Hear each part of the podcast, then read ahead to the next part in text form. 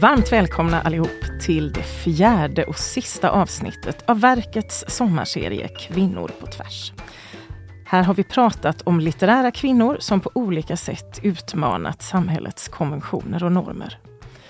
Och sist ut i raden av de här kvinnorna är Malin Forst, huvudperson i Karin Boyes roman Kris från 1934. Jag heter Paulina Helgesson och det är förstås sommarseriens stående gäst Ingrid Elam som är med mig i studion. Välkommen Ingrid! Tack!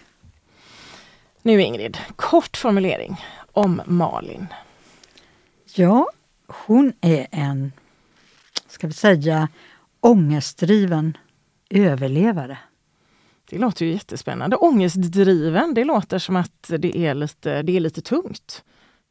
Den är inte tung men den är ganska svår. Det är ingen enkel roman det här med en Nej. början, mitt och slut och berättelse som drar in en i mm. någonting. Utan det är en, alltså något så tidigt som en experimentell roman. Mm. Och den experimenterar med form. Egentligen är det en...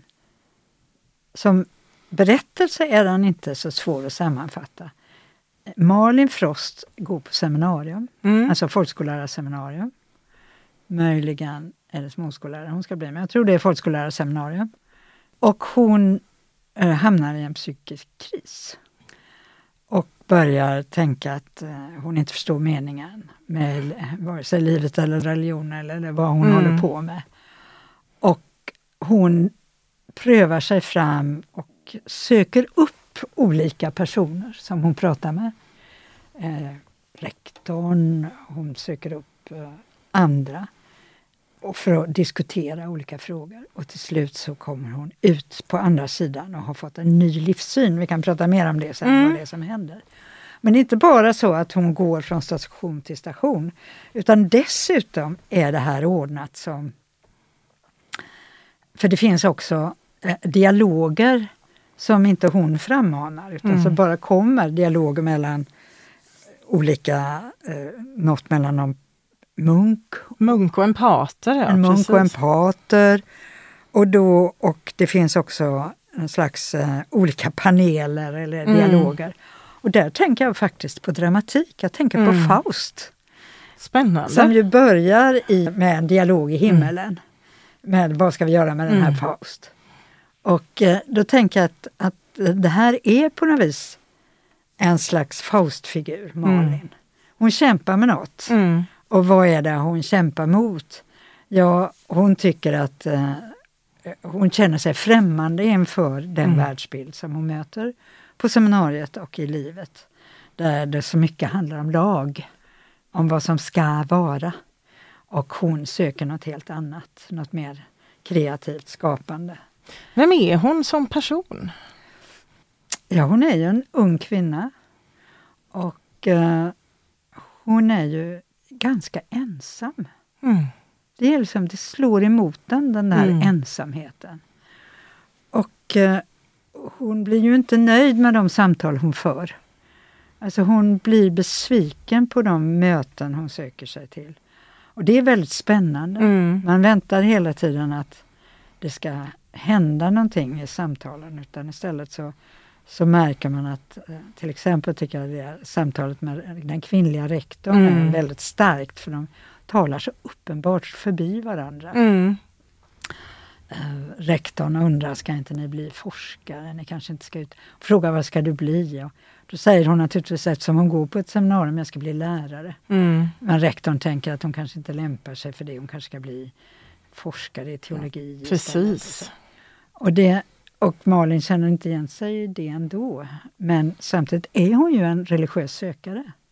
Ja, för att romanen börjar ju med att hon går upp i Gud ja. väldigt mycket. Ja. Alltså, skulle man beskrivit henne idag om hon inte hade varit på egen hand och utan hade varit med andra så skulle man nästan säga att hon var lite sekt.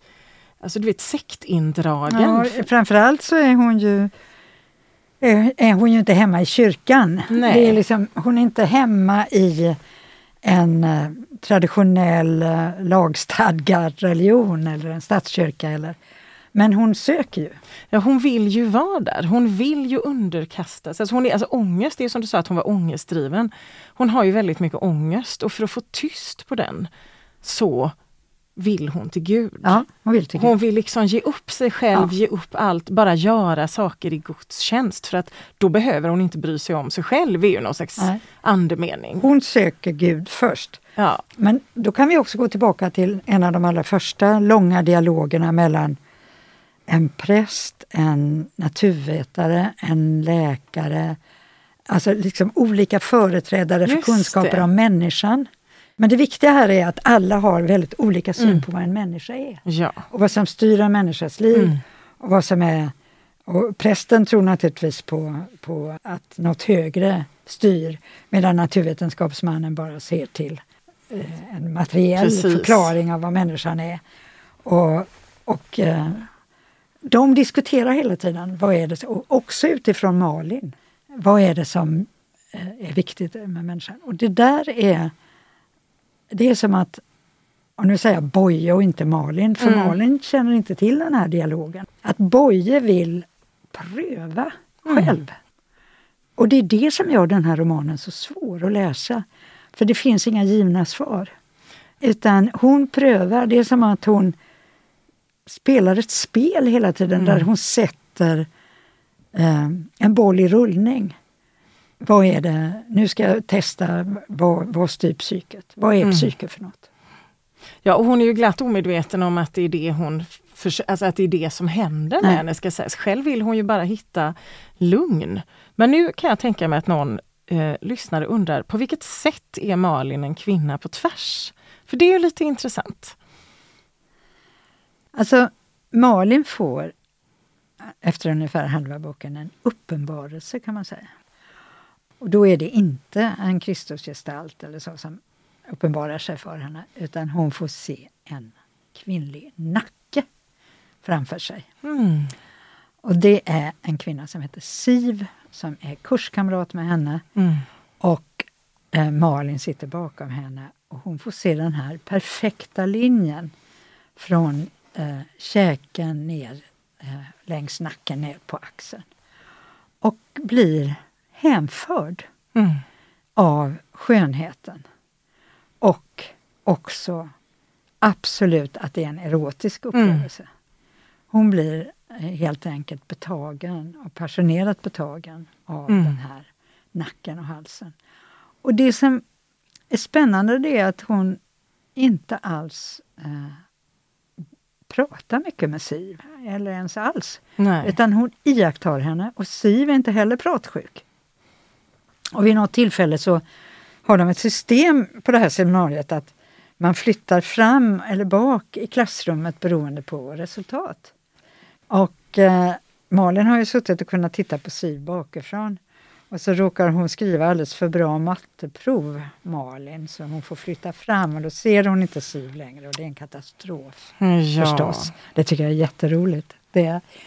Men men annars är ju inte detta en roman som är full av humor. Den är ju verkligen full av, av eh, allvarlig, allvarligt sökande mm. efter någonting. Och då kan man fråga sig, vad är det här med Siv då? Är det så enkelt som att hon upptäcker att hon, eh, hon inser att hon är homosexuell, mm. att hon är lesbisk och det blir hennes frälsning? Ja, det blir det på sätt och vis också, men det är inte så enkelt Nej. utan det handlar också om en annan syn på ordens makt. För att den här stumheten, att det är en slags ordlös mm. upplevelse, mm. uppenbarelse som saknar ord. Det finns inte ord för den. Nej.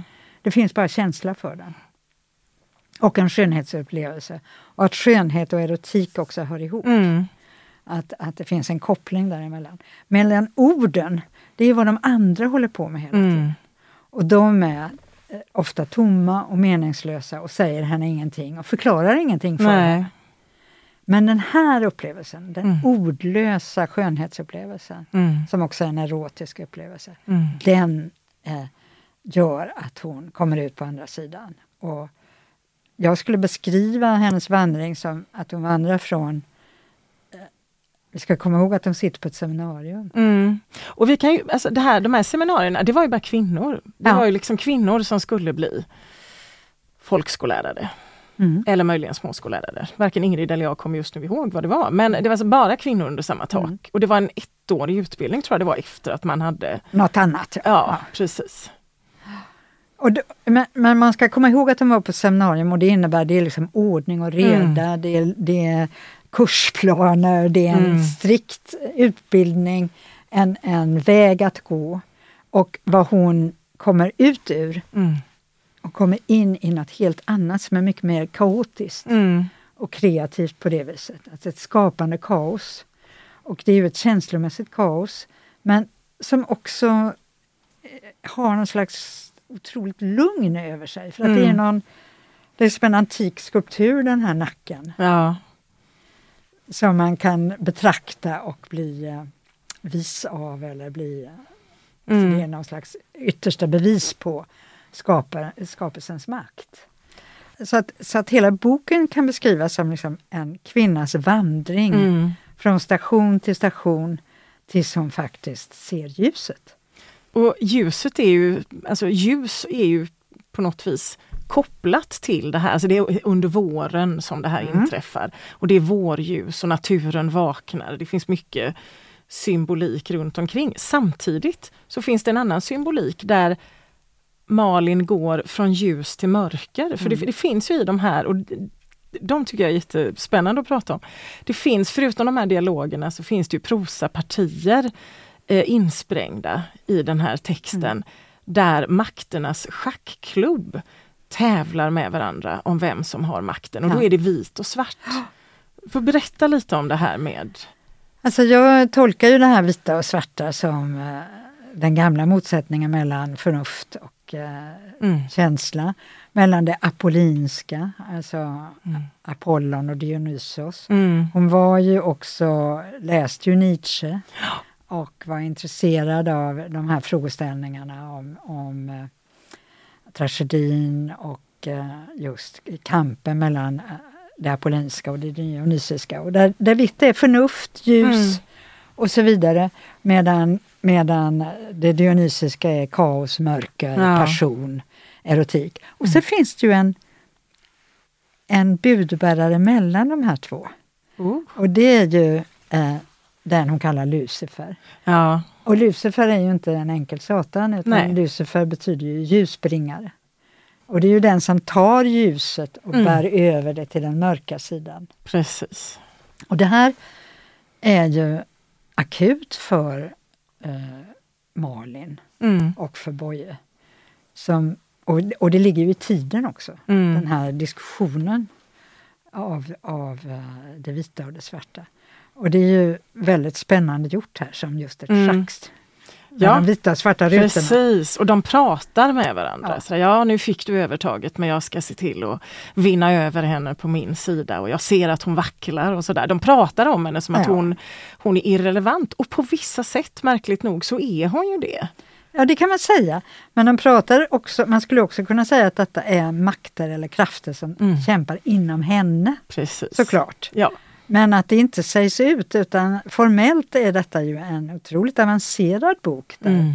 olika partier kommer in utan att de förklaras. Mm. Utan att man måste läsa dem på det viset. Och sen kommer det också in brev där eh, eh kurskamrater uttalar sig om någonting. Mm. Så att det är en slags collageroman väldigt tidig. Och, eh, men med endast, endast en eh, huvudperson och det är ju mm. Malin själv.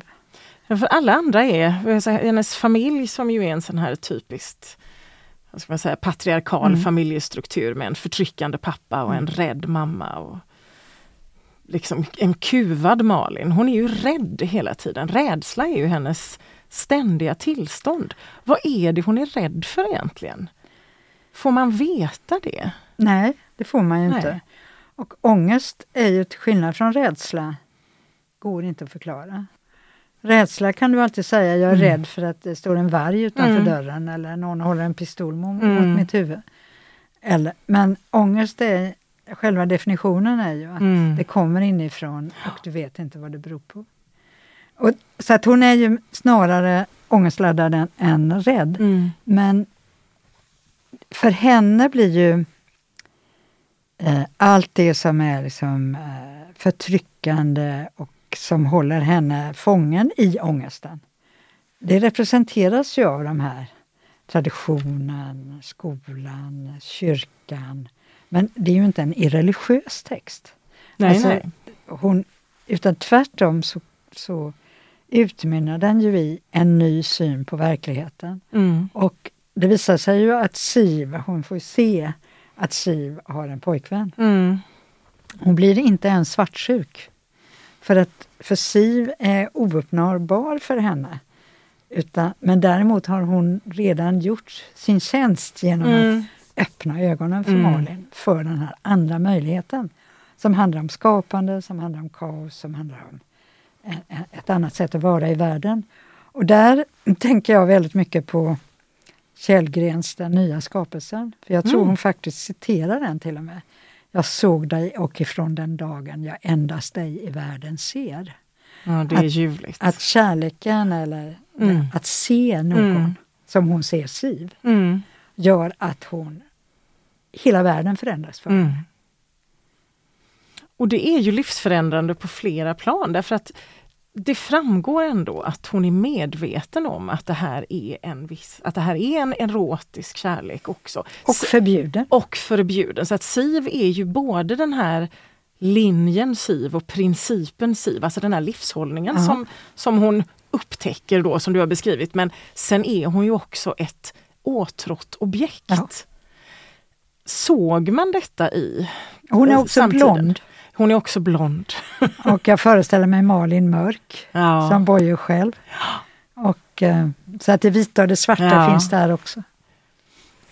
Men såg man att det här fanns i romanen, att det handlade om ett erotiskt begär någonstans? Även om det är väldigt stillsamt uttryckt så finns det ju där.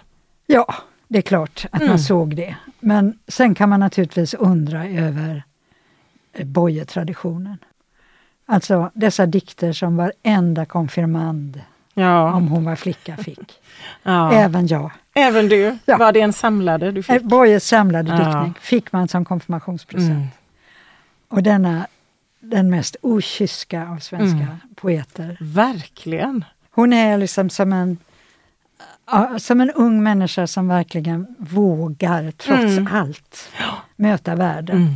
Och det är klart man vill ge bort det till sin dotter. Ja. Men, men man såg inte man såg inte de andra nej. dikterna. Nej, nej, precis. Och man vill inte läsa under ytan på nej. de andra dikterna. Nej. För att det här är ju egentligen första gången som Boye säger någonting på ytan. Även om det så att säga är, är litet och inte supersynligt så är det i alla fall på ytan. Det är inte bara subtext. Nej.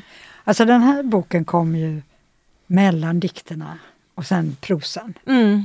Så att det är den första riktiga prosaboken. Va? Sen Nej, kommer Kalkoin. Astarte kommer Astarte före. Kommer före. Ja, precis. Men, men Kalkoin är efteråt. Ja. Och, och då har hon egentligen skrivit alla sina dikter. Och där finns ju ändå, om man har rätt ögon att läsa med, så finns ändå antydningar. Ja, för Trädets skull kommer 1935, så den kommer året efter kris. Just det. Men, och där är det ju också mycket dikter som är väldigt tydligt kärleksdikter ja. och det vet vi ju nu att det är ju inte liksom hon har ju ett förhållande till just det växande. Ja. Till trädet, till överhuvudtaget det som växer. Och, och man kan ju säga att Sivs nacke är ju också något som reser sig. Ja, den är ju som ett träd ja. med huvudet som, som kronan ja. där. Hon inser ju någonstans Malin när hon kommer ur det här att hon är i ett utanförskap, är det inte så? Ja, visst. Alltså, det faktum att hon ser Siv gör henne ju annorlunda. Mm. Det är bara hon som har sett det ja. på det viset. Precis. Och där kan man säga att hon odlar eh, den marginaliserade poeten, mm. författaren, utanförskapet. Som den typen av seende skapar. Mm. Alltså det har sitt pris att ha den mm. blicken. Både på sig själv och på andra. Mm. Och, och, så att det är ju verkligen en berättelse också, en metaroman mm. om att komma till författarskap. Och mm. Den skildrar ju, om vi nu ska läsa biografiskt, så genomgick ju Boye en kris i 20-årsåldern. Mm. Eh, den här är, väl, här är hon ju i mitten av 30-åren. var ju Ja. född 1900. Precis. Så hon är äldre här, så att den där krisen ligger långt tillbaka. Mm. Men den kan hon nu använda för att skildra sin, sin nya världsbild och sin syn på skapandet. Mm. Och på tron också, på vad, vad en religiös upplevelse betyder. Om den sker utanför kyrka och Ja, dogmer. för det är också någonting som är spännande det här med att Malin vill så gärna höra till den här självuppoffrande kristna religionen som ju är med våra ögon sett idag, alltså förtryckande och väldigt det är en väldigt oförlåtande och otillåtande tro. Hon tvingas ju den, hon vill ju inte det, men hon tvingas lämna den för hon inser att inne i henne så är det inte det som bor. Men vad är det Boye säger om samhället och kyrkans roll i samhället egentligen i den här romanen? Ja, men den är ju dogmatisk. Mm. Den håller ju på och liksom knådar teser. Och eh, den är dogmatisk och den styr in i fasta roller. Och den förklarar inte världen. Hon vill se världen i ett nytt ljus. Mm. Och Oändligt är vårt stora äventyr. Ja. Hon är ju en uppbrottets människa. Och det, det är hon ju här också, Malin. Alltså. Ja, hon är precis, hon gör uppbrott ifrån allt Mm. det gamla och hon går på tvärs med det som alla vill att hon ska. Det vill säga ställa sig i teologins tjänst, vara en liksom, kvinnlig teologiforskare och göra nytta och här saker. Och det är ju ingenting som tyder på att hon kommer att lämna seminariet som lärare. Nej, precis. Och man undrar ju lite grann för att Även om det här, det finns ju som du säger biografisk botten i det här, så undrar man ju lite grann, vart går Malin vidare? För det har jag funderat på. Ja. Hur blir hennes liv? Vad tror du? Jag tror inte hon blir lärare. Nej, jag tror, alltså hon verkar ju inte vara så... Nej, jag tror hon bryter sig ut. Jag tror hon blir författare. Jag tror Ja. ändå, man ska inte vara biografisk, men jag tror att den möjlighet som finns för Mm. henne efter den här insikten är ju att fortsätta... ehm, för hela romanen är ju en slags experiment med olika Mm. hållningar, Mm. olika utsagor, olika syn på människa och psyke och Mm. konst och allt möjligt.